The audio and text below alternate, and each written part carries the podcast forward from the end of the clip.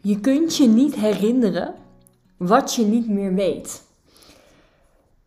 Deze zin kwam ik tegen in een um, dichtbundel, een hele oude dichtbundel. Ik was uh, de zolder aan het uh, opruimen en daar stond een uh, doos met ooit nog eens uit te zoeken rommelachtige toestand.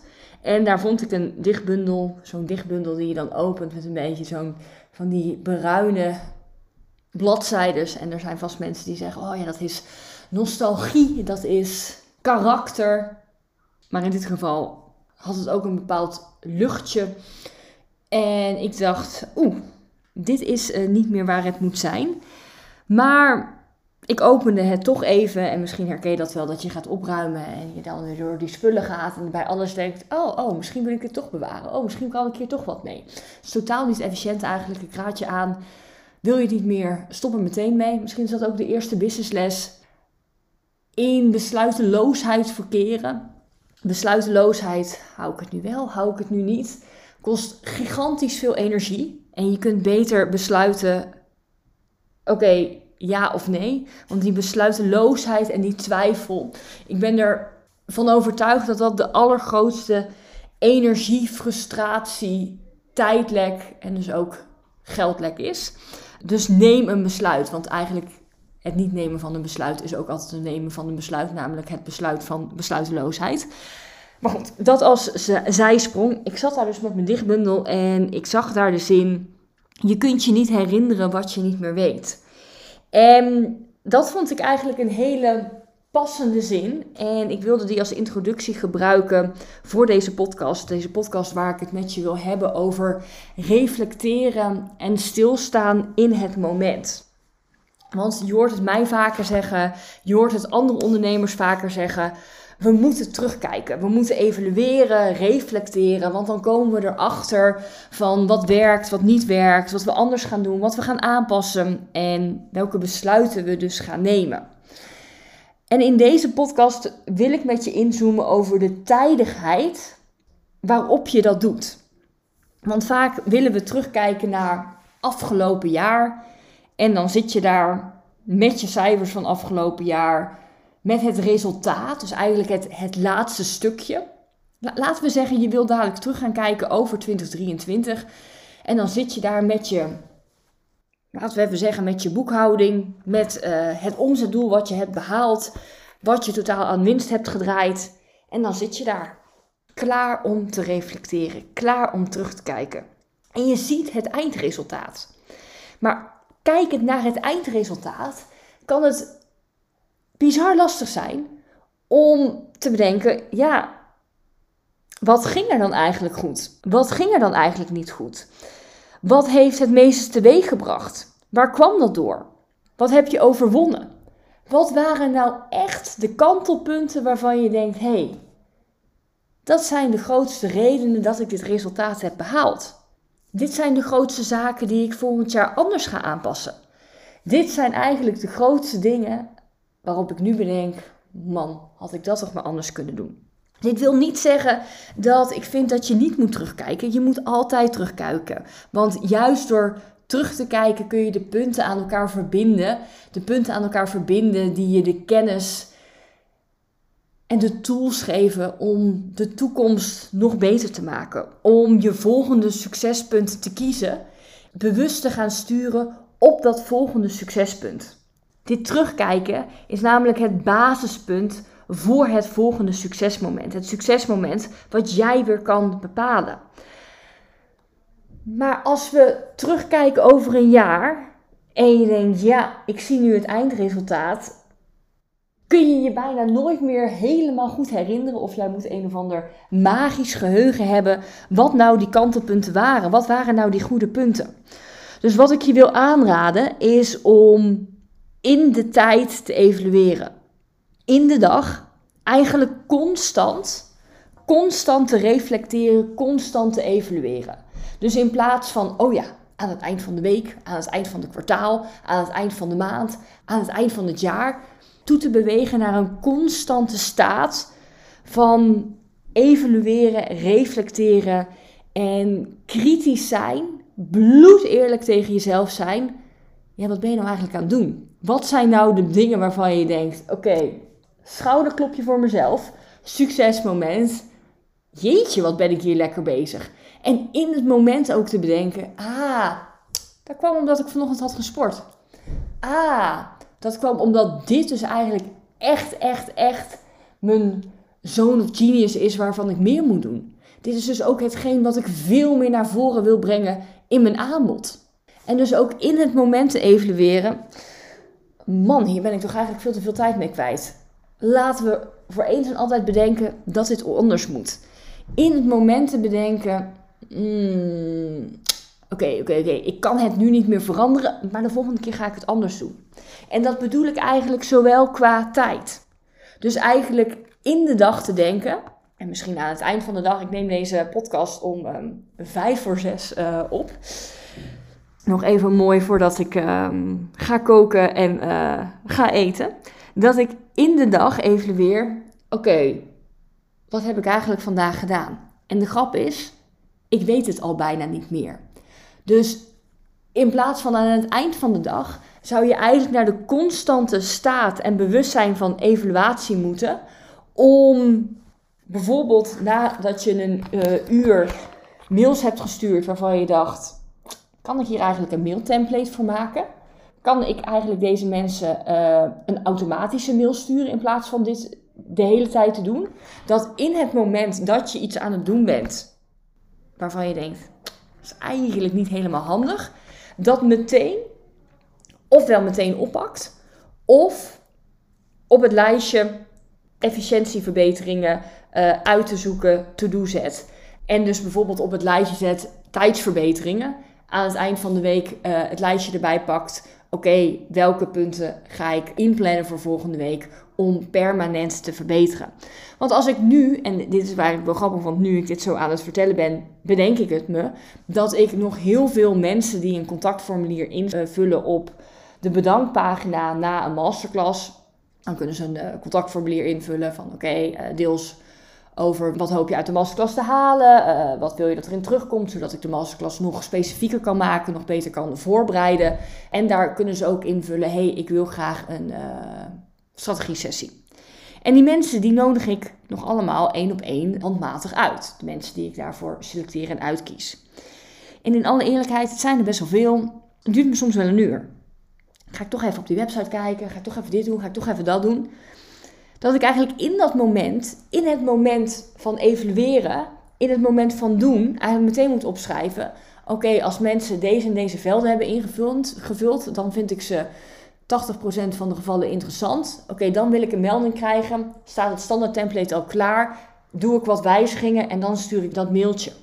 En in het moment, in het doen van de taak, overgaan naar de staat van evaluatie. Omdat ik weet het aan het eind van de dag al bijna niet meer. Laat staan als ik het eind van de week nog weet. Laat staan dat als je aan het eind van het jaar voor het eerst gaat evalueren en reflecteren. Dat je nog weet wat de grootste kantelpunten en de grootste lekken zijn geweest. Wat uiteindelijk heeft geresulteerd in het eindresultaat. Want je kunt niet heel lang terugspoelen. Je weet het op een gegeven moment niet meer. Je weet op een gegeven moment niet meer wat je hebt gedaan. Denk maar aan wat je, wat heb je gisteren gegeten. Het is de volgende ochtend uh, ondertussen. Ik dacht namelijk, uh, ik neem je gewoon even mee in het uh, verhaal. Mijn vriend appte, oh ik sta in de file dus ik ben wat later. Toen dacht ik, oh nou, mooi. Of ik dacht niet mooi, maar ik dacht, nou, dan kan ik nog even een podcastje opnemen. Dus zodoende begon ik, maar na een minuut of tien werd er toch op de bel gedrukt. En... Um, wij hebben als gouden regel, en misschien is dat nog wel het belangrijkste om uit deze podcast te halen, dat op um, de avond dat we echt afspreken, dat er geen werklaptops en werktelefoons in de woonkamer zijn. Dat is echt een verademing overigens, kan ik je, kan ik je zeker aanraden. Maar dat maakt dat het nu uh, de volgende ochtend is. Ik heb net uh, even een uh, wandelingetje gemaakt buiten, want ik heb drie Q&A-sessies vandaag. En dan vind ik het altijd fijn om eventjes mijn hoofd leeg te wandelen, om maar zo te zeggen.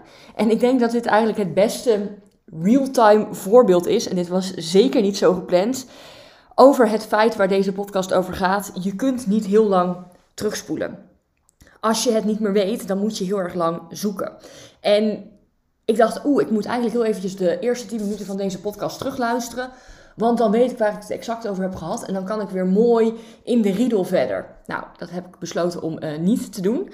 Ik weet het nog wel ongeveer. En het weerspiegelt eigenlijk heel mooi dat je niet heel lang kan terugspoelen. Dus dat het eigenlijk heel weinig zin heeft om na een hele lange tijd nog te reflecteren. Maar dat we eigenlijk naar de constante staat van reflectie moeten. Constante reflectie qua tijd. Wat kost me nou eigenlijk belachelijk veel tijd waarvan je denkt, jeetje, kan dat niet wat makkelijker?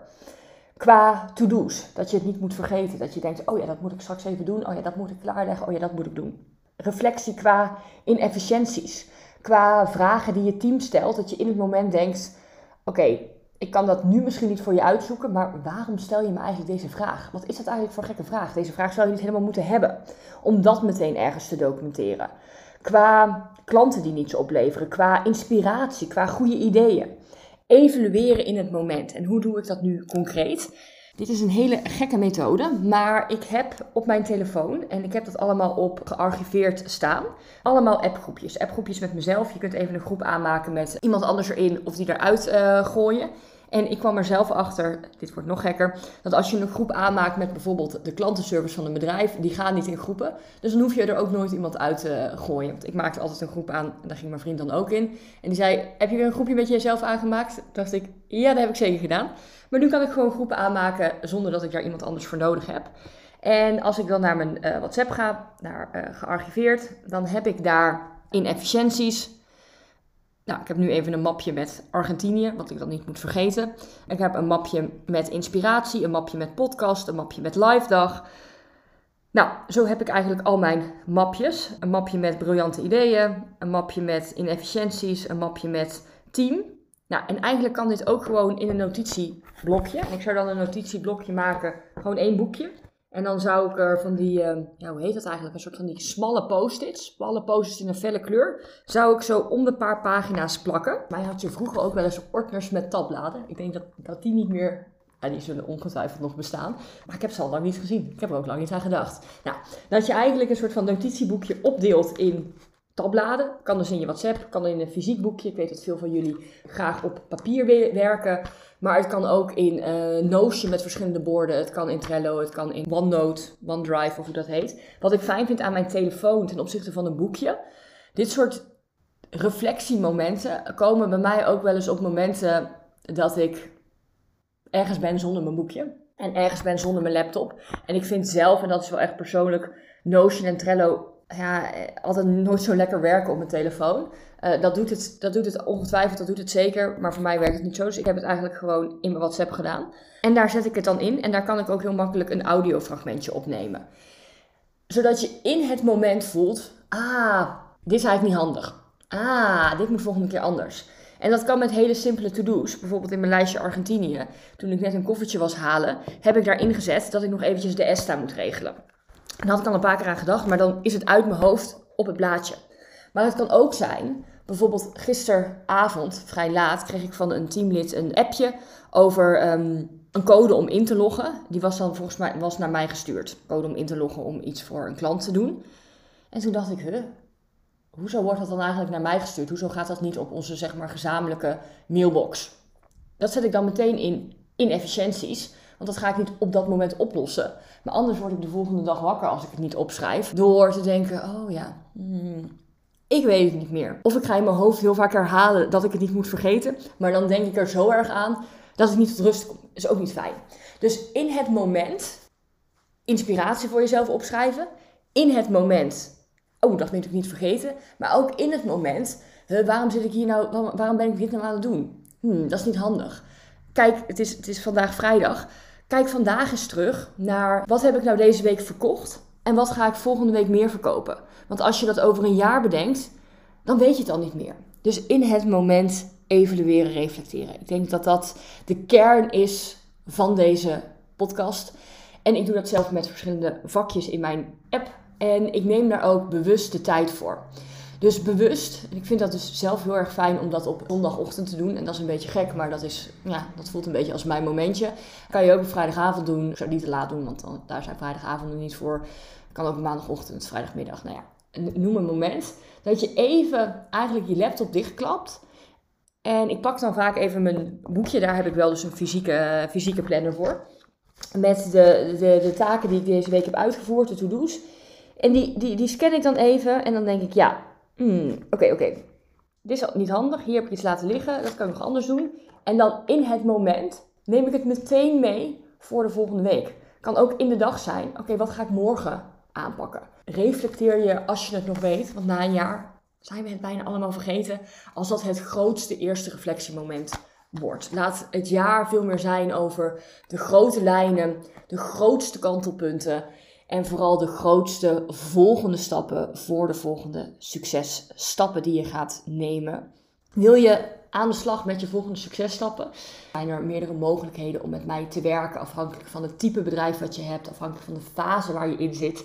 En wil je weten hoe ik je het allerbeste kan helpen? Trek me even aan mijn jasje op Instagram, marissa.bonans. Of mail vooral even naar contact.marissabonans.nl.